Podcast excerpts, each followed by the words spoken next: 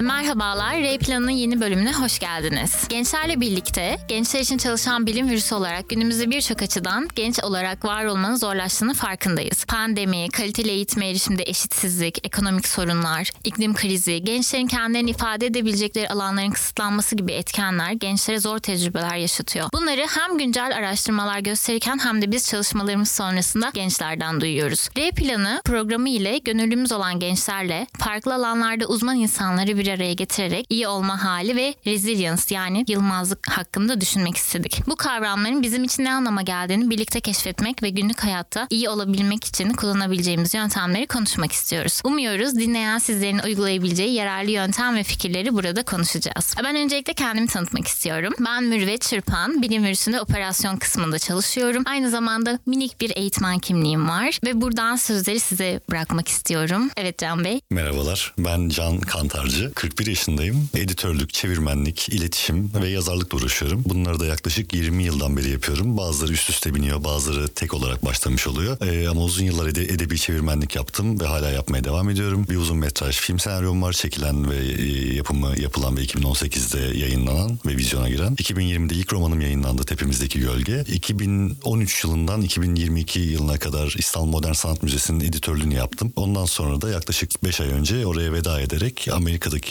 Columbia Üniversitesi'nin buradaki e, dünyadaki 9 küresel merkezinden bir tanesi olan Columbia Global Centers İstanbul'da iletişim yapıyorum ve programasyona da elimden geldiğince katkıda bulunuyorum. Teşekkür ediyorum Can Bey. Ilgın seni de tanıyalım mı? Ee, Merhaba ben Ilgın. Ee, Lise e, 11. sınıf öğrencisiyim. Açıkçası bilimi ve araştırmayı çok seviyorum. Ee, İşte nörobiyoloji üzerine şu an biraz çalışıyorum. Ondan önce kentsel dönüşüm, işte e, kumaş geri dönüşüm üzerine böyle yarışmalara katıldım, araştırmalar yaptım. Onun dışında sosyal sorumluluk projelerinde olduğunca yer almaya çalışıyorum. Kendim de böyle park yaratma üzerine çalışıyorum. Dışında spor olarak da masa tenisi oynuyorum, mangol oynuyorum. İşte yeni başladım bilardoya o şekilde. Teşekkürler Ilgın. Çok memnun oldum ikinizle de tanıştığıma. Ben biraz bilim virüsü dedim az önce. Onu biraz anlatmak istiyorum. Bilim virüsü bir öğrenme platformu. Çocuklara ve gençlere bilimsel düşünceyi ve 21. yüzyıl yetkinlikleri iletmeyi, aktarmayı hedefleyen bir öğrenme platformu. Nasıl olduğunuzu da sormak istiyorum başlamadan. Nasılsınız? Keyfiniz nasıl? Hayatınız nasıl gidiyor? Açıkçası hayatım gerçekten çok güzel gidiyor. Ben de iyiye gidiyorum. En azından buna inanıyorum. Çok mutluyum ya öyle söyleyeyim. Şu anda da burada olduğum için de çok mutluyum. Sizinle konuştuğum için de böyle. Valla benim şu anda kendi adıma aslında ben iyi gidiyor. Kötü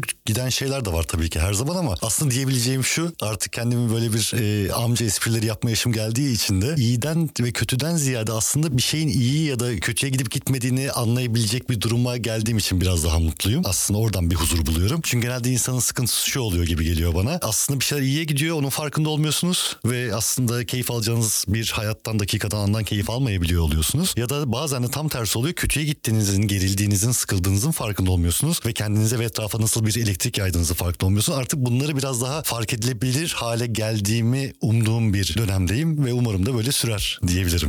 Umarım. Çok teşekkürler. İyi olma hali dedik bu buluşmamızın konusu da iyi olma hali. Peki bu iyi olma hali, dayanıklılık, yılmazlık kavramlarını düşündüğünüzde aklınıza gelen şeyler neler? Bu bir atasözü olabilir, bir nesne olabilir, bir özne, bir çağrışım. Aklınıza ne geliyorsa. Benim aklıma birkaç şey geliyor. Ben fantastik ve bilim kurgu edebiyatı çok severim. Bunların genelde işte kaçış edebiyatı olmakta suçlanırlar e, vesaire. Ben olsa her zaman tam tersini düşünüyorum. Bu çok sevdiğim fantastik eserlerden bazılarından bazı sahneler geliyor. Bunlar da genelde işte insanın en umudunu kaybettiği zamanlarda bile umudun önemli bir şey olduğunu hatırlatan sahneler. Mesela nasıl diyeyim size belki hala sevenler ve okuyanlar vardır. Ejderha Mızrağı serisinde çok klasik bir sahne vardır. İşte o siyah ejderha gelir ve çok kötü durumdadırlar kahramanlarımız. Çünkü ejderha geldiği yere bir de ekstradan korku yayan bir varlıktır. Orada işte Altınay, Goldmoon karakteri teslim olmayı kabul etmiyoruz diye kalkar ayağa. Ve o eylemdir aslında. Hani aslında korkusu vardır. Kendisi bile hareket edemeyecek bir durumdadır ve ayağa kalktığı an diğer arkadaşlarına da onu aşılar ve kendisine aşılar asıl.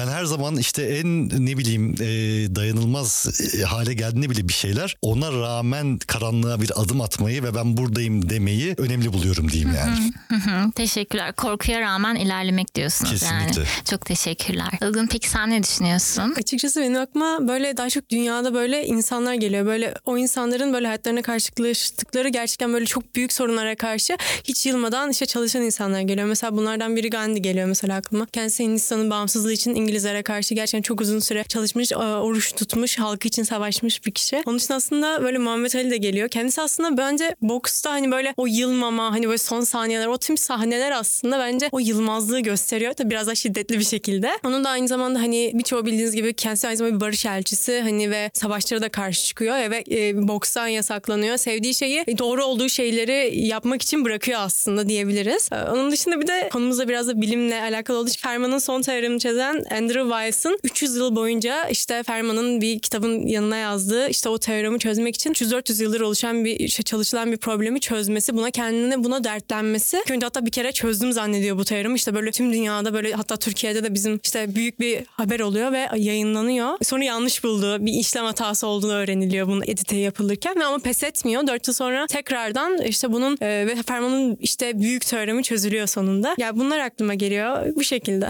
Senin için aslında pes etmemeye dayanan bir süreç. Doğru mu anladım? Evet pes etmemek ve hiç yılmadan devam ediyorlar. yani bazen doğru bulduğumuz şeyler için ya da kendimiz için bu biliyorsak bunun üzerine bence çalışmalıyız yani. Teşekkür ederim. Evet bana da yani senin söylediklerin üzerinden aslında şu yani eklenmek değil yani hani eklemek deyince sanki eksik bir şey gibi oluyor da yanına koyabileceğim diyeyim. Ee, ve bokstan da yola çıkarak çünkü hani Muhammed Ali'nin yaptığı en, ya zaten boksta mükemmeldi ama boksun en temel özelliklerinden birisi şudur ya nefesini e, ve dengeni çok iyi kontrol edersin. Yani her zaman onu çok iyi sahip olman gerekir ve bence kendisinin de hayattaki bu kadar sağlam bir duruşu olmasının sebebi aynı zamanda bokstan aldığı o ilham ve en nihayetinde de şu bence. Şimdi o korku ya da işte sonuçta şimdi pes etmemek lazım demek çok kolay bir cümle ya aslında. Pes etme sakın pes etme işte hep umudunu koru falan ama aslında ka- karşıdaki insan da bunu biliyor. Yani o pes eden diye gördüğümüz şahıs ya da şahıslar da bunu görüyor ama orada aslında şunu bilmek lazım gibi geliyor bana. Karanlıkta bazı şeyleri bilememek ve bundan korku duymak normal. Yani çünkü bazen insanlar pes etme deyince hayır korkmamalısın, hayır paniğe kapılmamalısın.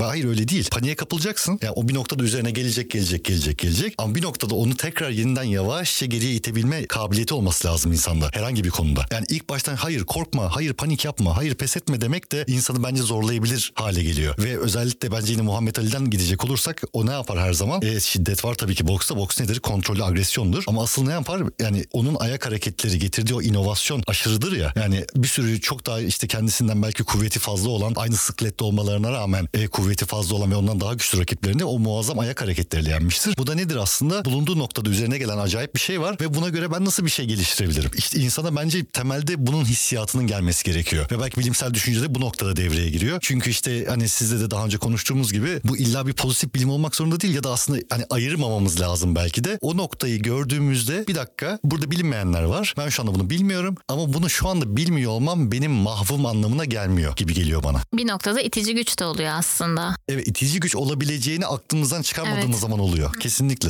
O zaman bilimsel düşünceye de yavaştan girdiğimize göre ben buna dair de bir soru sormak istiyorum. Sizce bilimsel düşünce nedir ve sizce neden önemlidir? Şöyle e, benim geldiğim ar- arta alana bakacak olursak ben daha beşeri bilimlerden gelen bir insanım. İşte bir süre hukuk maceram oldu. Sonra temelde edebiyata yöneldim. E, edebiyat üzerinden yine e, görsel medyanın da yer aldığı bir yüksek lisansa gittim. Yüksek lisansla beraber ve sonrasında da işte çeviri, çevirmenlik ve editörlük üzerinden bir beşeri bilimler üzerine kurulu bir şey yaptım. Burada benim gördüğüm ve bir noktada hemhal olmak durumunda kaldığım iyi anlamda ne vardı? E, editörlük nedir? Bir şeyin size sunulan bir metnin ama bu illa yazılı olmak zorunda değil. Herhangi bir yapının diyelim. Bunun kendi içinde tutarlı bir bütün olup olmadığını görürsünüz. Burada anlatı bir fikir iddiasıyla geliyor bu metin ya da bu işte podcast'te öyle. Burada bana bir iddia bulunuyor. Sonra o iddiayı açacağını söylüyor ve burada farklı görüşlere yer vereceği iddiasında bulunuyor ve nihayetinde bize bu konuyla ilgili iyi olma haliyle ilgili beklediğimiz ya da beklemediğimiz bilgilerin aktarıldığı ve bundan da bize geriye bir şey kaldı iddiası geliyor. Editörlük de işte insana bunun doğru olup ol- yani doğrudan kastım şu. e, sunduğu iddiayı yerine getirip getirmeme kapasitesini veriyor aslında. Bu bir nokta. Çevirmenlik neyi veriyor? Söylenen bir şeyin far- farklı bir dilde ifade edilen bir şeyin başka bir dilde yine aynı şekilde birbirine denk düşüp düşmediğini veriyor. Buradan benim edindiğim bilimsel düşüncede nedir? Genel olarak hayatta sürekli bir şey çıkıyor karşımıza. Bir denklikler meselesi. Seninle daha önceki sohbetimizde tanıştığımızdaki senin belirttiğin ne dedin sen mesela bir şey anlayamama ihtimali e, bana iyi gelmiyor. Ve mesela bununla ilgili olarak mesela şey diyorsun o zaman da. Bir çevireceğiniz metine baktığınız zaman orada İngilizce bir şey var. Orada da şu korku geliyor insana mesela. benim bunu doğru aktarma ihtimalimin de insana her zaman aynı şekilde iyi gelmeyebilen bir şey. Yani onu düşünüyorsunuz. Ben bunu aktarıyorum. Kendi İngilizce bilgim var, kendi Türkçe bilgim var ama bu doğru yere mi gidiyor acaba? Çünkü nihayetinde ne yapıyorsunuz? İşte İngilizce ve Türkçe evet belli kelimelerin karşılıkları var ama özellikle edebi metinlerde o sentaks, gramer bir araya gelerek anlamıyla beraber çok farklı bir yere gidiyor. Ve burada da işte aldığınız şey şu oluyor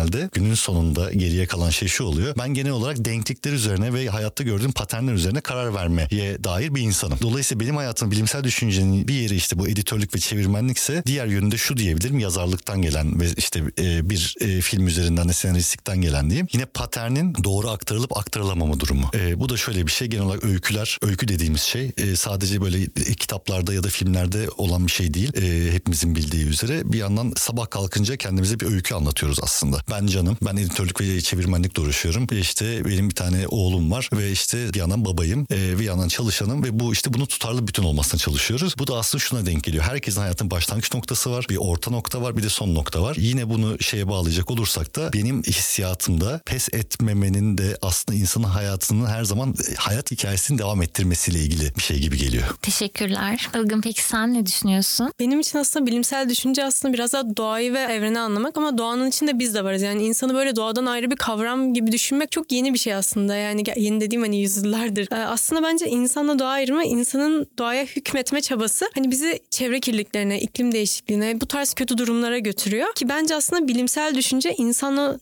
bir doğanın parçası olduğunu, e, nasıl doğayla birlikte var olabileceğimizin yollarını çizmeli ve biraz da bizim aslında hani insan hani şey diyor ya doğa benim için var. Aslında biz doğa için varız. Benim için de aklıma bu geliyor ve aslında bir bütün olmaya çalışıyoruz. Yani bütünselliği anlama çabası. Bağlantısal bütünsellik dediğimiz olay da bu aslında. Siz de aslında bence yazılarınıza bakarken orada bir bağlantısal bütünsellik var mı? Benim hayatımda bir bağlantısal bütünsellik var mı? E, azından bana bunu çağrıştırıyor. Kesinlikle öyle bence de. Ya bu şekilde.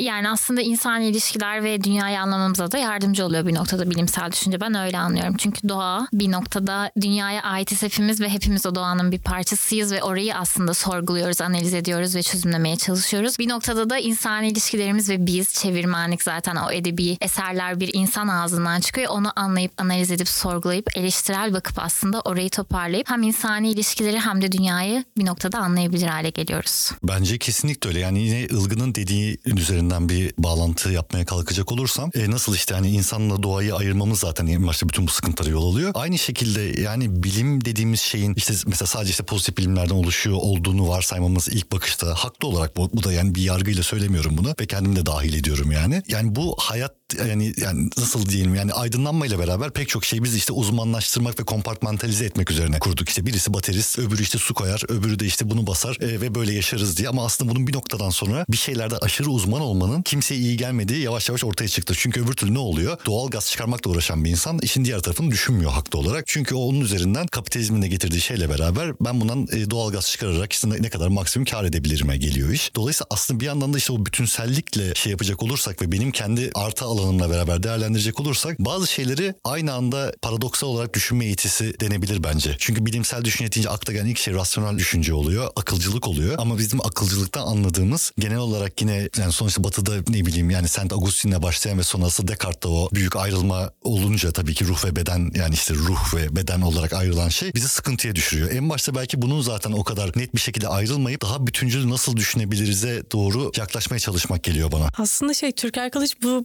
bağlantısal bütünsellikle ilgili şey demiş. Hani e, orman yaprak için değil yaprak aslında orman için vardır ve bu düşünce biçimini yapmak bence aslında bilimsel düşünce için yeni bir paradigmaya ihtiyacımız var bana. Yani yeni bir düşünme şekline ihtiyacımız var. Ve bu düşünme şeklinde hani paranın ve başarının yani günümüzdeki başarıyla ilgili bakış açımız biraz daha çok para kazanma. Dediğiniz gibi aslında tek bir alanda uzmanlaşmak ve düşünmemek aslında. Yani bu bazı insanları mutlu da ediyor. Ya tabii ki burada bizi de şey yapmıyorum.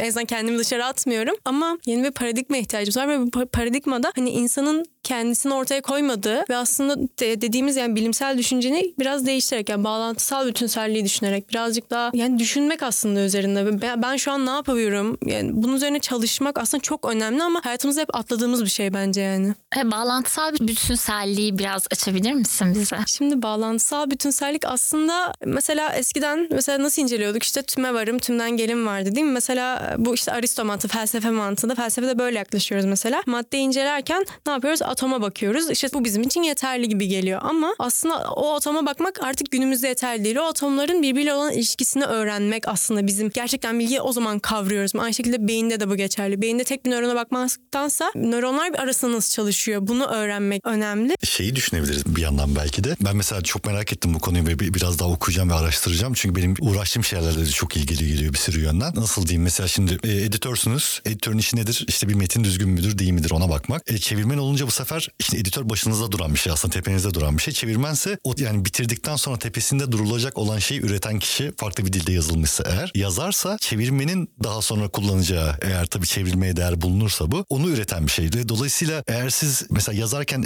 en temel sıkıntılardan birisi nedir? Bir şeyin fazla içine girersiniz ve onun içinden çıkamazsınız. Aslında doğru yolda gittiğini zannedersiniz ama durduğunuz yerden şu kadar saparsanız burada bulursunuz ya kendinizi doğal olarak ve yine bilimsel olarak aslında yani. Çünkü bir santimlik şey mesafeyi için içinize kattığınız zaman çok farklı bir yere götürür sizi. Dolayısıyla farklı kimliklere sahip olmak yani benim kendimce yapmaya çalıştığım ve belki yanlış olarak da vazgeçemediğim bir şey. Ben çünkü editörlükten de vazgeçmiyorum. Çevirmenlikten de vazgeçmiyorum ve yazarlıktan da vazgeçmiyorum. Böyle bir inadım var hayatta yani. Bunun farklı sebepleri var. Çünkü Türkiye'de sadece işte sanat yaparak geçinilmiyor genelde. Yani bunu çok nadiren başaran insanlar olabilir. Onlara saygımız sonsuz. Ve dolayısıyla ben şunu şöyle desteklemeye karar veriyorum kendi adıma. Editörlük yapabilirim. Hem bu farklı bir gelir yaratabilir bana. Çevirmenlikle hem okuma kültürümü çok yakın ve işte eleştirel bir okumayla zenginleştirebilirim. Ve bunların da yazarlığıma katkısı olur. Ama bu sadece işte maddi bir alan yaratmak şeklinde değil de nasıl diyeyim sana şöyle bir şekilde. E, bir editörün e, yazarlık yaparken editörün gözünü unutmamak ve aynı zamanda Türkçesini kurarken yarın bir gün bu çevrilecek olursa neler kaybedilir neler kazanılır düşünmek mesela. Yine aynı şekilde senin bahsettiğin o bütünsellikle ilgili olarak. Evet aslında sizin bütünselliğiniz bu şekilde oluyor. Evet. Yere dönersek de aslında bu teke bakmak yerine birden fazla işte bunun arasındaki bağlantılara bakmak aslında bizim için çok önemli. Ee, mesela işte Nobel Fizik alanında alan son ödüller ya da işte böyle büyük ödüller artık bu bağlantısal bütünsellik. Yani bu aslında yeni bir paradigma, bilme bakış açısı. Sadece bilme değil aslında, hayata aslında. Çünkü bu bağlantısal bütünsellik dediğiniz gibi hani bilme, pozitif bilimleri algılamıyoruz ama hani fizik alanında çalışan özellikle işte tek bir kuşu incelemek yerine o, sürüyü, kuşlar havada uçarken o sürüyün nasıl hareket ettiğinin matematiğini, şeyini anlamak çok önemli. Ki zaten artık hayatta bağlantısal bütünsellikten kaçmak imkansız gibi bir şey yani. Dünyada bir kere evet bir kanat çırpıyor ve siz de ondan etkileniyorsunuz ve herkes bundan farklı şekilde etkileniyor. Yani Wuhan'da olan işte bir kişinin hasta olması artık hani kaçamıyorsunuz bundan. Yani istediğiniz yani kaçacak bir yer yok aslında. Şehirden kaçıp nereye gideceksiniz? Bir kaçış yok burada. Yani biraz bağlantılı bütünsellik bununla da alakalı. Yani kişinin kendi hayatına da bence uygulayabileceği bir şey. Yani hayatı anlamada da böyle birazcık farklı alanlarda bilgi sahibi olmak ve bunu bilgiyi birleştirebilmek kendinde önemli. Yok bence kesinlikle ve söylediğin her nokta bence çok çok iyi. Ee, çok net söyleyeyim sana çünkü insan da dinlerken bir sürü şey uyandırıyor. Lafını bölmedim bu arada değil mi? Evet. Ha, e, çünkü şöyle bir şey genelde bütünsellik deyince daha böyle bir yatay düşünmeye meyledebiliyoruz ama aslında bu dikey de bir şey ve şöyle dikey de bir şey. Bunu pes etmeye şöyle bağlayacağım. İnsanın genelde pes etmesinin sebeplerinden birisi nedir? Ben ne yaparsam olmuyor. Ne yaparsam yetmiyor. Ama halbuki aslında burada şöyle bir şey de var ki bence insanlığın en tüyleri ürpertici iyi anlamda yani insanın böyle işte coşku uyandırıcı şeylerinden birisi de kendi elinden geldiğini yapması ve bir sonraki kuşağa bırakabildiği şeyler. Yani bu biraz da bayrak yarışı gibi. Yani o kadar inanılmaz çabalıyorsunuz olmuyor zannediyorsunuz ama aslında bir sürü şey oluyor. Sizin ömrünüzde olmayabiliyor bazı şeyler ama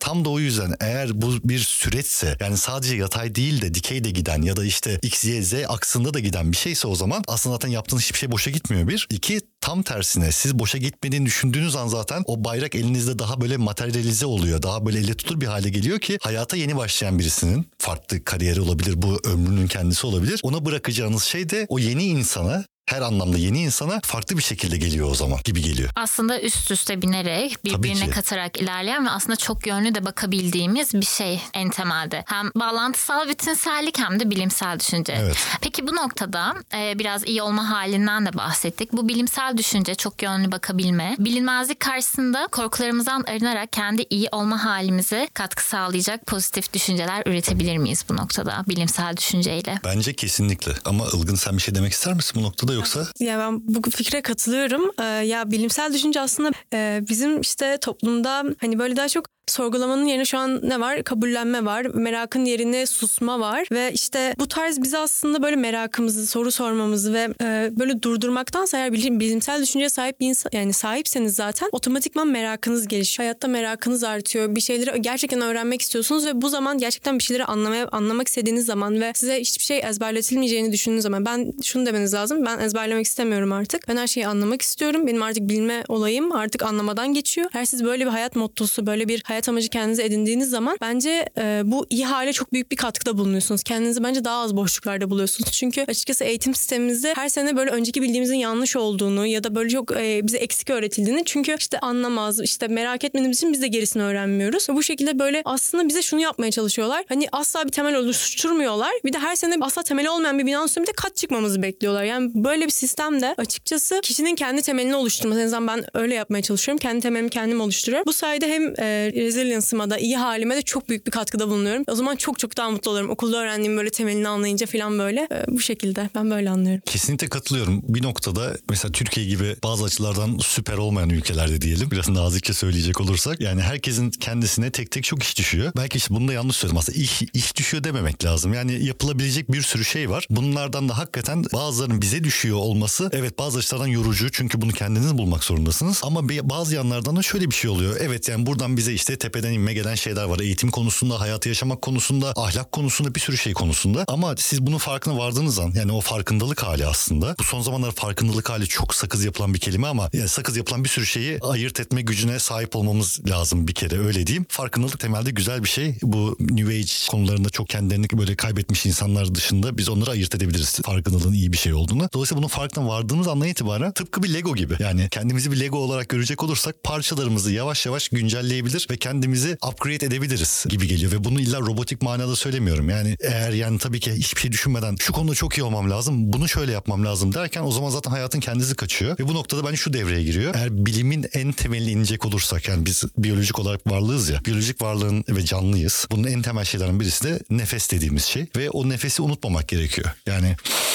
dediğin zaman bu sen varsın demek. Verdiğin zaman da bu devam ediyor demek. Yani ve bunu ve hakikaten yine işin New Age kısmından ayırarak söylüyorum. Çünkü bu hakikaten biyolojik bir şey. Nefes diye bir şey var. Kalbimiz, ciğerlerimiz bununla çalışıyor, ediyor. Bunu hatırladığımız zaman zaten önce varlığımızı bir tesis ediyoruz yeniden dünyada ve sonra da zaten gelecek olan sıkıntılarla daha sakin bir şekilde karşı karşıya geliyoruz diye düşünüyorum. Aslında bilimsel olarak bakabilme yani bilimsel düşünce dediğimiz bu çok yönlü ve çok farklı bakabildiğimiz düşünce sistemiyle ve nefesimizin de etkisiyle aslında bir iyi olma halimize çok rahat bir şekilde katkı sunabiliriz. Ben toparladım mı doğru mu anladım? Kesinlikle öyle. Harika. Ee, peki biraz böyle iyi olma hali de konuştuk. Bize katkısının ne olabileceğini de konuştuk. Ee, bilimsel düşüncenin gençlerin kişisel ya da profesyonel ya da sosyal alanlarda gelişimlerini nasıl etkileyeceğini düşünüyorsunuz? Etkili midir sizce? Senden başlayalım Ilgın. Şey bence Çünkü çok özür araya giriyorum çünkü genç, Genç, insanlar evet, burada evet. bir şey demek istemedim yani. Bence gerçekten çok etkili bilimsel düşünce. Yani en azından ben şöyle bir anımdan bahsedeyim. Ben e, annesi matematik kampına gitmiştim. Orada hani gerçekten size e, yani birazcık hani kabullenme ve farkına varma diyoruz ya. Orada aslında onu yapmaya çalışıyorlar. Ben açıkçası ikinci gittiğimde böyle ne falan ben ya ilk gittiğimde böyle hani "Aa, eğlenceli falan Aa, matematik yapıyoruz şey yapıyoruz. İkinci gittiğimde bu- ben bunu da bilmiyormuşum. Bunu da aslında bilmiyormuşum. Bunun farkına varma ve yani kendi yolumu aslında biraz oluşturmanın önündeydim. Aynı zamanda kendinin farkına varma ve bu aslında biraz acı bir şey. Yani acı derken şunu demek istiyorum. Yani bazen böyle kendinizin farkında olmak ve böyle bazen bilmediğinizi kabullenmek böyle yeni çağda biraz zor bir şey. Ben çok zorlanmıştım en azından. Birkaç gün böyle eve gelmiştim. Böyle ben ya ne yapacağım falan böyle hani çünkü ya böyle kendimi kandırarak devam edecektim ya da gerçekten oturacaktım ve böyle çalışacaktım yani. Ben orada oturup çalışmayı tercih ettim. Her şey bir anlam yükleme biraz çabasına girdim. Ne kadar doğru ne kadar yanlış bilmiyorum ama ya anlamadığım şeyleri de yapmak istemedim hayatımda. Yani bu böyle bir şey girdim ve bu benim sosyal alanında daha seçici olmama işime yaradı yani. Çünkü bazen sorgulamıyorsunuz hayatta yaptığınız şeyler. Neden başladığınızı unutuyorsunuz. Ben projeye başlıyorum. Ya ben projeye neden başlamıştım? Bakıyorum geri dönüyorum. Ha, ha bu bu yüzlerden. Sonra anlıyorum ve devam ediyorum yoluma. Bu hem sosyal alanda hem de böyle bilme bakış açısından insanı çok böyle geliştiren bir şey. Bence de ve yani temelde yani benim kendi açımdan iş hep şuna geliyor aslında bilimsel düşünce demek hayatın paternlerinin farkına varmak ve kendi paternlerinin nerede sapmaya başladığını ve aksadığının farkına varmak gibi geliyor. Mesela matematik üzerinden ki inanılmaz cahil olduğum bir konudur ama çok severim ama matematik nedir temelde? Evrendeki bence en geçerli dildir. Yani bütün okek ve obebini düşünecek olursak yani Jüpiter'den tutun da atıyorum bir tane nötronun kendine dönüşüne kadar ve insanın kalp ritmine kadar en ortak dil bulacaksanız bu matematiktir. Geriye her şeyi kaynatıp kaynatıp geriye kalan bir şey varsa o matematik gibi geliyor bana. En azından şu ana kadar bulabildiğimiz evrenin uymak zorunda olduğu ve gözlemlenebilir kurallar dahilinde. Matematiğin bana hatırlattığı şey de ya da işte bilimsel düşünceyle bağlayacak olursak bunu ritim duygusu. Yani hayatta herhangi bir şeydeki ritim duygusu bana çok önemli geliyor. Bu işte demin konuştuğumuz nefese de bağlanabilir. Hayatta herhangi bir şeyi kendine adamakla ilgili de bir şey bu. Yani yıllarca bir kayaya vuran dalga olmak gibi. Bu tasavvuf şeyleri de kayabilir tabii ki ama işin sonuçta o ritmi kendini sürekli bir şeye adamak ve bundan hemen karşılık beklememek. Çünkü karşılık dediğin şey aslında o sırada kendini adıyor olman onun karşılığı zaten. Ve bu da tek başına bir pes etmeme hali yaratıyor ve bunu unutmamak gibi geliyor bana. Ve burada da işte zaten ritim. Yani bir şeyi tekrarlayarak yapma hali. Nasıl nefesiniz kendini sürekli tekrarlıyor. Nasıl kalbiniz hiçbir şey çıkartmadan size yani herkes için olmayabiliyor bu ama işte milyonlarca defa atıyor. Günde 10 bin defa atıyor. İnsanın da kendisini idame ettirmek ve geliştirmek için o bilimsel düşüncenin aslında bir tezahürü olan ritim duygusunu yakalamak gerektiğini düşünüyorum ben. Yani aslında birazcık böyle ben sorgulama da duyuyorum söylediklerinizden. İşte ben bir yere gidiyorum bir proje yapıyorum ne yaptığımı hatırlamayıp geri dönüp bakıp sorgulayıp tekrardan devam ediyorum ya da dalga kayaya vuruyor hep vuruyor ama aslında geri döndüğünde bir şeyler de değişiyor. Çünkü orada bir neden ben buraya gelmiştim neden başlamıştım ve ne yanlış gitti sorgulaması da orada devreye giriyor. Buradan da aslında bir noktada eleştirel düşünceye çıkıyoruz diye hissediyorum ben. Peki eleştirel düşünce bilimsel düşünceyle ortaklaşır mı? Hangi noktalarda ortaklaşır ya da iki farklı konu mudur eleştirel düşünce ve bilimsel düşünce? Yani bence ayrılması çok zor şeyler tabii ki ama eleştirel düşünce yine biz bombardımana uğruyoruz sürekli her yerden her yerden. İşte bu yani bedeni uyarmalar da olabilir, zihinsel uyar, uyaranlar da olabilir, görsel, işitsel, koku. Bir bence eleştirel düşünce insanı şunu getiriyor diyorsunuz bir bir dakika bir durun bana ne geliyor ona bir bakayım. Artı ben ne yapıyorum ona bir bakayım. Çünkü insanın genelde işte o farkında olmama hali aslında e, bildiğin insanın lineer düşünme hastalığından kaynaklanıyor bence. Çünkü biz şöyle düşünüyoruz. Doğarız, yaşarız ve ölürüz ve bunlar da aslında sadece tek bir çizgide olan bir şeydir. Halbuki aslında bu bizim şu anda insan olarak bu işte bir beyin bir şekilde böyle gelişmiş ve biz zamanı bu şekilde algılıyoruz şu anda. Yani bunun en azından yani şu anda direkt olarak reddedebilen bir şey değil ama halbuki bana dalgaların hareketi yine çok önemli geliyor. Yani dalga dalga çünkü lineer değildir ya. O dalganın vuruşu kendine has bir kıvrımı vardır. Gelir, geriye çekilirken bir güç kaybeder ama sonra o gücü kaybederken tam da o güçle beraber farklı bir şey yaratır kendisine ama böyle düz çizgi haline değildir ve dolayısıyla o sırada size neler getirdiğini ve sizden neler aldığının farkına varmazsınız aslında. Ve hayatta her şeyinde bence bir dalga boyu var. Çizgi şeklinde ilerlemiyor. Hı hı. Eleştirel düşüncede bana şunu getiriyor bu noktada. Ben hayatta nelerle karşı karşıya kalıyorum? Ben kendimi başka insanları nelerle karşı karşıya getiriyorum? Bu da çok önemli bir şey. Çünkü sürekli öbür türlü şöyle deyince böyle bir kurban hani var hı hı. karşıda. Aa çok kötü şeylere maruz kalıyor. Hayır öyle bir şey değil. Sen de başka insanlarla bir etkileşimde oluyor. Onlara da bir şeyler getiriyorsun. Bu insanın küçüklüğünde de olabilir, yetişkinliğinde de olabilir. Eleştirel düşünce genel olarak ister matematik üzerinden olsun, ister işte daha böyle rasyonelite üzerinden olsun, ister felsefe üzerinden olsun, ister de genel olarak insanlar yarattığı psikoloji olarak olsun. Yani şunu farkına varabilmeniz lazım. Çocuğunuzla konuşurken buradan baktığınız zaman çocukta gereksiz bir tanrı etkisi yaratıyorsunuz. Hı hı. Çünkü yukarıdan bakıyorsunuz. İletişim kurarken ama çömelirseniz göz göze kalıyorsunuz. Burada aslında temel bir fizik bilgisi var. Çünkü buradasınız ve buradan bakabilen birisine korkutucu bir etki yaratıyorsunuz. Çok güzel bir şey söylüyor olsanız bile. Ama böyle yaparsanız ona vahiy indirmek yerine karşılıklı bir iletişim kuruyor oluyorsunuz en basitinden diyeyim örnek olarak. Teşekkür ederim. Var?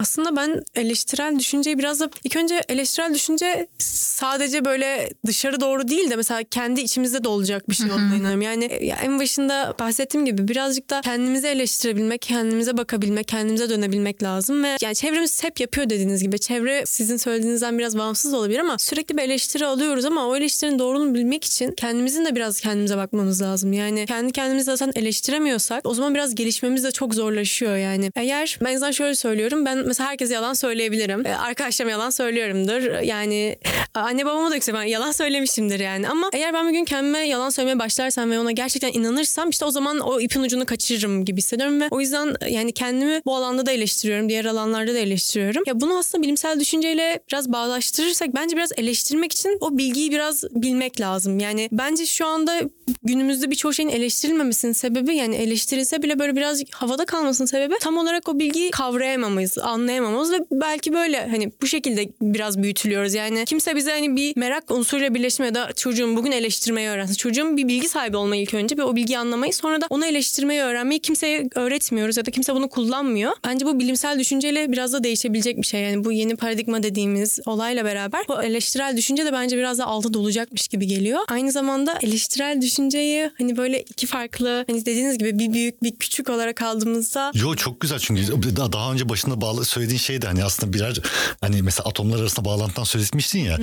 Yani sonuçta tepeden inme bir şey değil de organik olarak aşağıdan yukarı doğru gelen bir şeyden bahsediyorsun. Bence onun daha doğru olduğunu söylüyorsun diye anlıyorum ben. Ya, ya evet Sanki. daha doğru. Ben yeni bir sadece şey bakış açısı belki birileri ya çok saçma eskisi daha iyiydi teke dönelim atama bakalım yeter o bizim için de diyebilir. Hani bu böyle şey hani tartışıyoruz konuşuyoruz yani biraz daha felsefe olarak bakıyorum. Hani tamam bir şey ya bilimsel düşünce ama dediğimiz gibi sadece pozitif bilimler yok diğer bilimler de var ve ben açıkçası felsefenin burada çok önemli olduğunu düşünüyorum. En azından eleştirel bir düşünceye sahip olmak için en azından biraz felsefeye bakmak, felsefeyle ilgilenmek. Bazen insanlar felsefe yapıyor ama bunun felsefe olduğunu bilmiyor bazen böyle ben felsefe yapma yani boş yapma olarak kullanıldığı için günümüzde biraz hani felsefe yapma hmm, falan bana ters ama aslında böyle eleştirisel düşünceyle bilimsel düşünce onlar hep birbirlerini aslında besleyen, bağlantısı olarak bütünsel olan şeyler ve bence bunların hiçbirini birbirinden ayırmamalıyız bu şekilde. Ya bence de öyle bir de hakikaten ben mesela eleştirel düşünce de bilimsel düşünce de bana şunu hatırlatıyor her zaman. Bir sükunet getiriyor aslında. Bunu böyle bir araç, araçsallaştırmadan her seferinde ben bunu kullanıyorum takıntısına girmeden yapabildiğin zaman ki ben de her zaman bunu yapabildiğim iddiasında değilim ama ya en basitinden şöyle bir örnek vereyim. Yani bazı şeyler çok basit ve temel aslında. Geçenlerde bir kitap okudum. Yazarın adını şu anda hatırlayamıyorum. Bir zooloğun galaksi rehberi. The Zoologist Guide to the Galaxy. Konusu da şu aslında. Biz dünyanın dışında sürekli hep böyle işte yabancı varlıkları, uzaylıları falan hayal ediyoruz ya. Bunun böyle işte ve bilim kurgu yazarları bunu çok yapıyor tabii ki. Filmler çok yapıyor. Ee, bu zoolog da diyor ki ya tamam bu yapılsın ve çok güzel bir şey ama ben de bir zoolog olarak dünyadaki canlılara dair tam da hayvanlara, kuşlara her neyse işte dinozorları düşünmeden başka bir dünyada, başka bir dünyaya benzer şartlara sahip bir egzoplanette, egzogezegende nasıl bir şey olduğunu hayal edemeyiz. Dolayısıyla önce buraya bakalım diyor ve atıyorum mesela çok temel sorular soruyor. Ee, vereceğim şeyi oradan bağlayacağım. Dünyada neden iletişim temel iletişim böyle insanlarda ve canlılarda ışık yerine sesle gelişmiştir diye soruyor mesela. Neden yani? Burada şey oluyorsun fasine oluyorsun ya bir dakika nasıl bir şey? Evet yani ışık daha hızlı giden bir şey ama diyor mesela ışık diyor takılır kalır diyor. Sesse dolaşır etrafından diyor engelin. Ve dolayısıyla bir hayvan tehlikedeyken yani o ışıkla artık her ne yapacaksa evrimin milyarlarca gelişen şey içerisinde sesin ışıktan daha yavaş olmasına rağmen bir şeylerin etrafından takılmadan dolaşabiliyor olması. Çünkü kapıyı kapattığım zaman ben ışık orada kalıyor. Ama ses oradan geçebiliyor. Çok daha esnek bir şekilde. Bu evrimde ya hayvanların bütün canlıların kendisinin tehlikede olduğunu haber vermesi açısından daha uygun bir seçenek. Yani bunun farkına varıyor olmak diyeyim. İnsanda aslında çok temel bir şey hatırlatıyor. Yani genel olarak pes etmemek e, döneceksek resilience'a neden pes etmeyeceğim ben? E, neden? Neden pes etmeyeyim? İşte hayatta kalmak mı olay? Güzel bir hayat yaşamak mı? Bir bu, bunun üzerine düşünebilirsin. Senin şu anda tam da ben neden pes etmemeliyim düşünce fırsatını sana vermiş insanlar var. Yüz bin yıldır. Çalışmışlar, düşünmüşler, kafa yormuşlar. Sırf bu yüzden onlara iyi anlamda borcunu ödemek için pes etmeyebilirsin gibi geliyor bana. En azından ben böyle hissediyorum yani. Çok teşekkür ederim. Ben de genel olarak şöyle bir toparlıyorum. Eleştirel düşünceyi bilimsel düşünceyle bağdaştırırken aslında şeye varıyoruz. Bu zoolojistin galaksi rehberinden de verilen örnekten de çıkarımım şu ki bir bilgi var ama bu bilgi sadece bilgi olarak kalmamalı çünkü o zaman sadece ezber oluyor. Ama bilimsel düşünce ve eleştirel düşünce ezberden çok uzak. Daha fazla sorgulama ve daha fazla neden sorusu içerdiği için aslında bizim bir bilgiyi, bir süreci, bir şeyi anlamamızı çok daha kolay hale getiriyor. Gerçekten o şeyi anlıyoruz çünkü daha da benimsiyoruz. Peki bu noktada bu eleştirel düşünce dediğimiz şey bir şeyleri bu kadar benimsemek, anlamak bizi resilient kılar mı? Bizi dayanıklı yapar mı eleştirel düşünce? Yani kesinlikle zaten az önce de söylediğim gibi kendini eleştiremeyen, çevresini eleştiremeyen Sokrates'in yani sorgulanmamış bir hayat boş bir hayattır. Yani ben o yüzden hayatı her şeyi sorgulamaya çalışıyorum. Yani bu tabii bu bir günde olacak bir şey değil. Yani bugün sabah kalktım ve bugün hayatı sorgulamaya karar verdim. Yavaş yavaş kendi böyle karakterinize de böyle işlediğiniz böyle ince ince yaptığınız bir şey ki bence hayata anlam vermek için çok önemli. Yani yani resilience'ınızı da arttırıyor bir yandan. Yani o duygusal istikrarınızı da artıyor. Duygusal bütünselliğinizi de arttırıyor. Çünkü eğer siz bir şey neden yaptığınızı hatırlarsanız ilk önce işte onun diyelim kötü bir haber aldınız. Mesela resilience'da olan şeyler. Resilience kaybı dediğimiz hani bir anda gidiyor mesela duygusal işte boşluğa düşüyorsunuz. Kötü bir haber alıyorsunuz. Gerçekten düşüyorsunuz ama tekrardan onu neden yaptığınızı önce düşünüyorsunuz. Sonra ne çıkardığınıza bakıyorsunuz. Oradan bir ders alıyorsunuz. Sonra sadece bunu düşündükten sonra tamam diyorsunuz ya bu olanlar olmuş. Ben bundan dersimi aldım artık. Sebebini de biliyorum. Her şeyi anlıyorsunuz ve içinize rahat bir şekilde ayağınızın altına onu koyuyorsunuz o deneyimi ve üstüne çıkmaya devam ediyorsunuz. Bu şekilde ilerliyor zaten. Bence ya kişilikte, karakterde, hayat deneyiminde zaten böyle olan bir şey. Eğer siz o deneyimi bir derse ya illa der, her şeyi derse dönüştürmek zorunda değiliz. Hani bu bir gerçek ama en azından ilk önce biraz ilk önce kendimizi de sorgulama ve duygusal bütünselliğimizi, resilience'ımı yapmak için eğer ben o şeyi düşünmezsem, sorgulamazsam ve öyle bırakırsam o benim kafamın üstünde durur ve ben yukarı çıkmaya sırtımdan kafamı oraya çarparım ama ayağımın altına onu bir deneyim olarak koyarsam ondan neler elde edebileceğime bakıp sadece ayağımın altına koyarsam beni sadece yükseltir. Ben en azından böyle düşünüyorum. E, bence de öyle. E, kesinlikle katılıyorum. Buna benim kendimce yine yanına koyabileceğim diyeyim şu olabilir. E, hayat hakikaten çok geçici bir şey. Yani Zeki Müren'in söylediği gibi yani hani ağlama değmez hayat şeklinde bu gözyaşlarının. Bu bence çok önemli bir şey. Yani o şarkının sözlerine bakın inanılmaz Budizm öğretisi var orada hakikaten. Ee, onun çok önemli olduğunu düşünüyorum. Hayat geçici bir şey. Ama bu geçicilikte de inanılmaz bir kalıcılık barındıran bir şey. Bunun farkına varıp varamamak bence temelde e, doğduğundan itibaren sana verilen bakım ve bakıcıyla ilgili çok yani sana o bakımı veren insanla ilgili başlıyor. Oradan alabildiğin pes etmeme ve hayata karşı olumlu olma hali bu herkes olmak zorunda değil ve olmayabiliyor bazen. Çünkü bunun savaşı var, seli var, bin tane felaketi var ve bazı insanlar bunu alamamış olabiliyorlar. Psikolojik olarak başka insanlar da olabiliyor bunun sorunları olan. Ama her zaman ben şunu unutmamak gibi geliyor. Bir şekilde dünyada varsın. Bunun bir sebep falan atfetmiyorum. Yani bu dünyaya bir sebep öyle bir şey yok. Yani sebep anlam insanların atfettiği ve bazen de hakikaten de pes etmeyerek için doldurabildiği bir şey ama kimsenin böyle bir zorunluluğu yok hayatta. Sadece ama var olduğun ve sana verilen sürede var olmanı ben ne kadar daha iyi anlayabilirim için sana 70-80 yıl veriliyorsa ve bu da zaten işte atıyorum 70 tane yaz 8 bin tane hafta sonuna tekabül ediyorsa bu da çok kötü bir şey değil.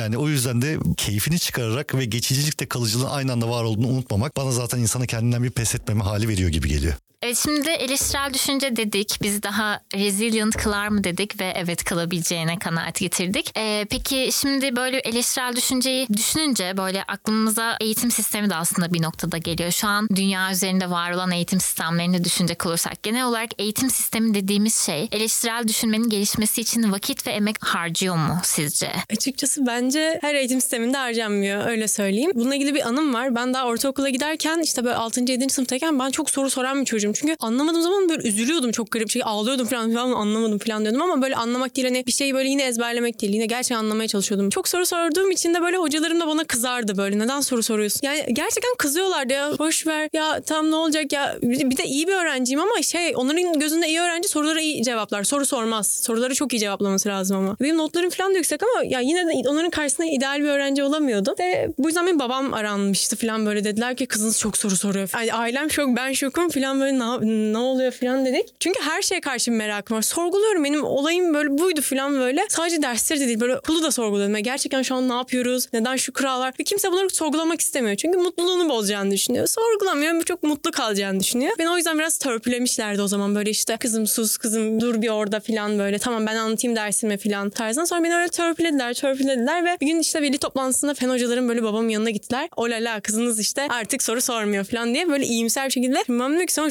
çocuğun merakını öldürdün. O çocuğun merakını beslemen gerekirken sen onu şey yaptın ve bunu güzel bir şekilde mi sunuyorsun ya? Bu gerçekten böyle üzücü bir şey ya. Ben o yüzden çok üzülüyorum ya. Benim gibi hani gerçekten merak eden yani en azından merak eden her kişinin böyle insanlarla karşılaşıp böyle meraklarının öldürülmesi beni çok üzüyor. Çünkü sadece tüketen gençler hiçbir şey öğretemiyor. inanın bana. Çünkü hiçbir şey anlamıyor. Hiçbir şey anlamadığı zaman üzerine de bir şey koyamıyor maalesef. En azından benim düşüncem bu. Bu adından da ben böyle bir şey çıkarıyorum açıkçası. Ee, ben de katılıyorum. Zaten işte biraz senin e, dediğin yani zaten şöyle eğitim kelimesi aslında baş başına biraz sıkıntılı bir kelime ya. Yani eğitim dediğiniz zaman birisi yine size tepeden bir şey sizi eğiyor yani. Hani eğ, eğmek üzerine bir şey. Ama diğerinde mesela öğrenim diyeceğimiz zaman öğrenimi tercih ettiğimiz zaman kendin öğrendiğin bir şey haline geliyor. Yani aşağıdan yukarı doğru yükselen yine senin o örneğindeki bir ılgın. Mesela işte o yaprak ve ormanın arasındaki bağlantı. İşte orman ve yapraklar için yapraklar mı orman için ama sonuçta ikisi birbiri için ve sadece yeter ki bu komplike bir kavram olan saygı kavramı devreye giriyor. Tabii ki ben kendi kendime bir şeyleri öğrenmekte sıkıntı çekebilirim ama bu benim yetersiz olduğum anlamına gelmez. Sizin de tam tersine nasıl rehberlik edeceğinizi iyi öğrenmenin sorumluluğunu verir. Çünkü orada bir şey öğretmek iddiasıyla geliyorsanız buna hakkını vermeniz gerekir. Ya açıkçası şey ben en azından öğretmenleri biraz da sadece biraz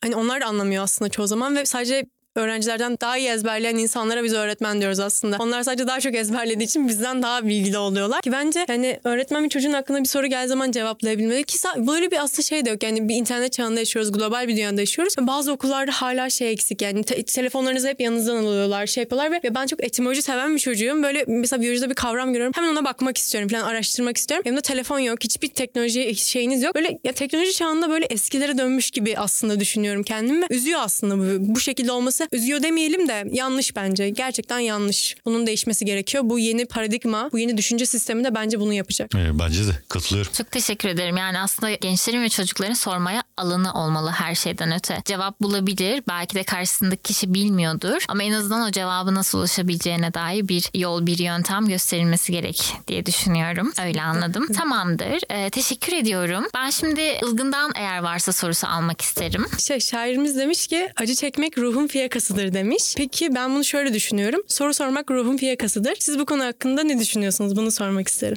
Şimdi oradaki eğer paralel gidecek olursak yani eleştirel düşünüyorum şu anda. Şimdi acı çekmek ve soru sormakta bir paralellik kuruyorsun sen orada. Çünkü bunu da neye bağlayabiliriz bence? Bilmiyorsun, bilmediğini kabul ediyorsun ve bunun karşılığında da gelecek bilgi illa hangi bir herhangi duygusal bir bilgi de olabilir bu. Bunun karşılığında bir e, mesela çile de diyebilirsin buna. Yani onu ama okçuluktan da düşünebilirsin. Çile çekersin ya. Yani çile çekmeyi kabul ediyorsun aslında. Bu şey de bağlanıyor ve genelde o çok şey çevrilir. E, mesela Buda'nın en ünlü cümlelerinden birisi işte life is suffering. Dukkha diye geçer ya bu. Aslında dukkha tam suffering değildir bunun tercümesi. Yani hayatla ilişkiye geçme. Yani sen bir agresiflik yapacaksın. Agresyon burada illa kötü bir şey değil. Ben bunu değiştiriyorum. Şunu bükebiliyorum ya da bundan bir şey alabiliyorum. Karşılığında sen de değişeceksin. Buna hazır mısın? Çilenin ve ya da işte suffering'in ya da acı çekmenin bir raddesi var. Benim için şu anda hayat bedenimdeki bütün hücreler ölüyor. Yani aslında bir acı çekiyorlar da bunun bana bir yansıması yok. Ve yerine yenileri geliyor. Bu da zaten aslında hayatın ta kendisi. Sadece buna hazırlıklı olursan eğer yani bu olacak. Bir anda şaşırmazsan e, dolayısıyla bu gerekli ve fiyakalı bir şey bence. Ya aslında bu kesinlikle anlatıcı aslında duygusal bütünsellik. Aslında duygusal bütünselliğimizde mesela Sinan Canan şey diyor. Sinan Canan diyor ki e, kendisi de bir nörobilimci ve e, bu aslında gelişen bir şey. Kendimize mesela işte böyle küçük böyle mesela dalgalanmalar oluyor, yanlışlar oluyor, bir şeyler oluyor. Böyle durumlarda sanki hava hiç yağmurlu olmamış gibi davranıp eğer güneşli olduğunu düşünürsek mesela ve ona göre mesela şöyle bağlayayım bunu. Hani böyle küçük dediğimiz o olaylar aslında bizi daha büyük fırtınalara, daha büyük olaylara hazırlıyor ve biz eğer bu küçüklerde bile şey yapıyorsak kendimize ya hava güneşli ben böyle çıksam olur ya şöyle yapsak derine biz gerçekten sorunu anladığımız zaman ve bunun üzerine çalıştığımız zaman zaten bu sistem o şekilde çalışıyor. Yani bu sistemi eskitmemek lazım. O yüzden ben hayatımda en azından sürekli kendime böyle challenge'lar koyuyorum. Böyle şunu yapacağım, bunu yapacağım. Bu bir şey değil benim için. Kazanma ya da kaybetme değil de her türlü bir deneyim alıyorum. Bu deneyim de benim duygusal bütünselliğime yarıyor. Bu sayede ileride karşıma çok büyük bir sorun çıktığı zaman benim artık duygusal bütünselliğime pratik yapmış, gelişmiş olacak ve ben belki bu durum karşısında daha iyi bir şekilde pozisyon alabileceğim. En azından bu dediğinizle o şekilde bağdaştırıyorum ben de. Evet bence de öyle. Ben sadece kendim de bundan vakti zamanında farkında olmadan çektiğim için şöyle bir şey ekleyebilirim. Hayatta çok şey yapmak çok güzel bir şey. Bir sürü şey yapmak ve bunlar insanın hakikaten perspektifini arttırıyor. Bütün işte hayatını geliştiriyor. Zihinsel kapasitesini arttırıyor. Ama bir yerde şey unutmamak lazım. İnsan dediğin şey sadece var olmasıyla bile zaten yeteri kadar önemli ve değerli bir şey. Yani bütün bunları yapmak kişinin asıl varlık ve öz benliğinin değerini ne arttırıyor ne eksiltiyor. Bir insanın sadece var olması onun zaten sevilebilir ve tatlı ve keyifli olmasına yeterli bir şey bence. Bu da zaten pes etmemeye çok güzel bir sebep oluyor yani. Ee, ne güzel böyle kendi deneyimlerimizden e, aslında daha çok insanlara bakarak edindiğimiz ve işte şairin söylemlerinden, Buda'nın söylemlerinden çıkardığımız belli başlı resilient yöntemleri var diye anlıyorum ben buradan. Mesela acı geliyor. E, acıyla nasıl duracağımızı biliyoruz. Bunu öğreniyoruz. Ardından devam ediyoruz. Acı da öğretici, soru da öğretici aslında. Ben buradan da böyle bir bağlam çıkarıyorum. Senin de üstüne koyduğun yorumla beraber. Peki e, bu noktada şey merak ediyorum. Sizin için resilient olmak ne demek? Sizin resilient yönteminiz nedir mesela? Hangi durumlarda resilient olduğunuzu hissedersiniz? Yani şöyle ben e, arkadaşlığa çok önem veren bir insanım. Daha doğrusu şöyle diyeyim. Kan bağı dışında kurulmuş ilişkilerin çok önemli olduğuna ve hayati olduğuna inanıyorum. Ve dolayısıyla da ama buradan kastettiğim şöyle bir şey değil. Yani terapi ihtiyacım arkadaşlarımdan gidereyim gibi bir şeyden bahsetmiyorum. Yani terapi terapiyle çözülür ve o da çok önemli bir şeydir bence. Yani kritik konularda profesyonel yardım almak diyeyim. Tıpkı eliniz kesildiğinizde bunu pansuman nasıl kendiniz yapmıyorsanız eğer çok bir şey basit bir şey değilse ama onun için arkadaşlık dediğimiz şey aslında bu bir yandan dayanışmaya giden bir şey. Hayatta bazı şeylere ihtiyacımız olur ve bu ihtiyaçları dile getirmekten çekinmemeliyiz ve başkalarının da ihtiyaçları olabileceğini göz ardı etmemek üzerinden her daim insanın yakın çevresi, orta uzaklıkta bir çevresi olacak. Bunlar farklı zincirler şeklinde birbirine değecek. Tıpkı bir yıldız sistemindeki yörüngeler gibi birbirine değdikleri noktalar olabilir. Benim en hayatımdaki yani resilience yöntemlerinden birisi çok yakın dostlarımın olması ve bu dostlukları her zaman çaba göstermem ve uğraş vermem. Ve bunda bir hesap makinesi gibi bir hesapçılıkla değil. Zaten önemli olduğunu bildiğim için e, bu bana her zaman işte bu dayanıklılıksa, esneklikse ve hayata karşı hayatın daha doğrusu çok sıkıntılı konularına karşı durabilme gücüyse bu bana onu veriyor diyeyim yani. Senin rap planın ne Ilgın? Ya aslında benim iki ayrılıyor diyebiliriz. Birincisi kendimi böyle daha büyük resilience'lar için böyle kendimi challenge etmek. Ondan biraz bahsetmiştim zaten. Böyle kendimi denemek ya sürekli böyle kendi başıma dertler açıyorum diyebilirim. Böyle kendimi çok garip pozisyonlara düşürüyorum. Yani şey oluyor mesela eve gideceğim bir yol acaba bu yol nereye çıkıyor falan bir orada 3 saat kayboluyorum ama eve gidiyorum ve çok mutlu oluyorum falan bunu yaşadığım için. E, ikinci olarak da basamak diyebiliriz aslında yani o yaşadığımız şeylerden hani nasıl resilience'ımızı yükseltmek için yani onların hepsini bir şekilde e, o süreçten geçirip ayağımızın altına koymak lazım. En azından ben en düşük olduğum anlarda böyle gerçekten böyle o zaman onu yaptığım zaman fark etmiştim. Diyorum ben şu an ne yapıyorum diyorum. İşte ne yaptım onu anlıyorum. Tam ne yaptığımı çözüyorum. Tamam şu an hangi pozisyondayım diyorum. Ve onu sonra ayağımın altına koyuyorum. Oradan bir de şey alıyorum onu ve yukarı doğru yükselmeye devam ediyorum. Ve aslında daha da hazır oluyorum. Bu şekilde. Bence harika. Savaşa hazır oluyoruz. Savaşa hazır oluyorsun Evet. harika. Yani senin aslında e, resilience yöntemin challenge'lar oluşturmak ve bu challenge'larla kendini daha büyük aslında çıkabilecek sorunlara hazırlamak ve sizin de Can Bey arkadaşlarınız, yakın çevreniz o temasta olmak. Ben de kendimden bahsetmek istiyorum bu noktada. Benimki biraz böyle kendime kapanık bir şey. Ben e, resim yapmayı tercih ediyorum ve böyle saatlerce kulaklığımı takıp kendimi dünyaya kapatıp e, şarkı söyleyerek yani bir bir şey çok mükemmel bir eser çıkarmayı beklemeden aslında sadece resim yapıyorum. O boyalar, kalemler, oradaki kargaşa beni dinginleştiriyor. Daha aslında sürece dair, yaşadığım durumlara ve genel hayata dair daha resilient kılıyor bence beni. O yüzden benimki de resim yapmak. Ama şarkı söyleyerek resim yapmak. Benim buna çok kısaca bir ekim olabilir sadece. Aksatsam da devam ettirmeye çalıştığım bir şey. Bir tane işte boş bir deftere hiçbir düşüncenizi filtrelemeden, kendinizi eleştirmeden aklınızdan geçenleri ve yaşadıklarınız üzerine düşündüklerinizi yazmak. Adı günlük olur, haftalık olur, aylık olur hiç fark etmez. Ama o insana çünkü paternleri görebilme yeteneği Evet, veriyor bence. evet. Daha eleştirel ve bilimsel bakabilmeyi Kesinlikle. gösteriyor. Bu çok güzelmiş. Ben bunu not alacağım. Deneyeceğim. İkisini de deneyeceğim. Bir şarkı söyleyerek resim yapmayı bir de Çok iyi. Evet bir şekilde yazmayı ve görmede eminim bence çok efektif bir yol. Çok. Çünkü böyle fark etmiyorsunuz. Çok garip bir şekilde hayat öyle bir hızlı geliyor bazen hayat ve fark etmiyorsunuz. Bunu durup bakmak çok çok güzelmiş. Yani. Kesinlikle. Evet, es verme yöntemleri bunlar. Evet, Çok evet. güzel oluyor. Ben çok teşekkür etmek istiyorum bugün için, katılımınız için. Tam böyle gerçekten bilimsel düşünceyi bilimsel düşünerek konuşmuşuz gibi hissediyorum. Çünkü zaten interdisipliner olduğunu konuşmuştuk. İçerisinde birçok şey olduğunu konuşmuştuk. Sadece sayılar ve mantık değil demiştik. Ve bugün gerçekten de sayılar ve mantıktan uzaklaşarak birçok şey konuştuğumuzu düşünüyorum. Ve bu bana çok iyi geldi. Umarım size de iyi gelmiştir. Çok çok iyi geldi. Ben teşekkür ederim davetiniz için. Ben çok teşekkür ederim. Burada olduğum için çok mutluyum. Bugün çok şey öğrendim gerçekten. Eve çok dolu gideceğim bugün. Ne güzel, çok mutlu oldum. Ben de öyle. Çok mutlu oldum. O zaman ben dinleyicilerimize de diyorum ki bizi sosyal medya hesaplarımızdan takip edebilirsiniz. R Planı tüm popüler podcast mecralarında yeni bölümlerle sizlerle olacak. Görüşmek üzere diyorum. Kendinize iyi bakın. Bu program Avrupa Birliği Sivil Düşün Programı kapsamında Avrupa Birliği desteğiyle hazırlanmıştır. İçeriğin sorumluluğu tamamıyla Bilim Virüsü Derneği'ne aittir ve AB'nin görüşlerini yansıtmamaktadır.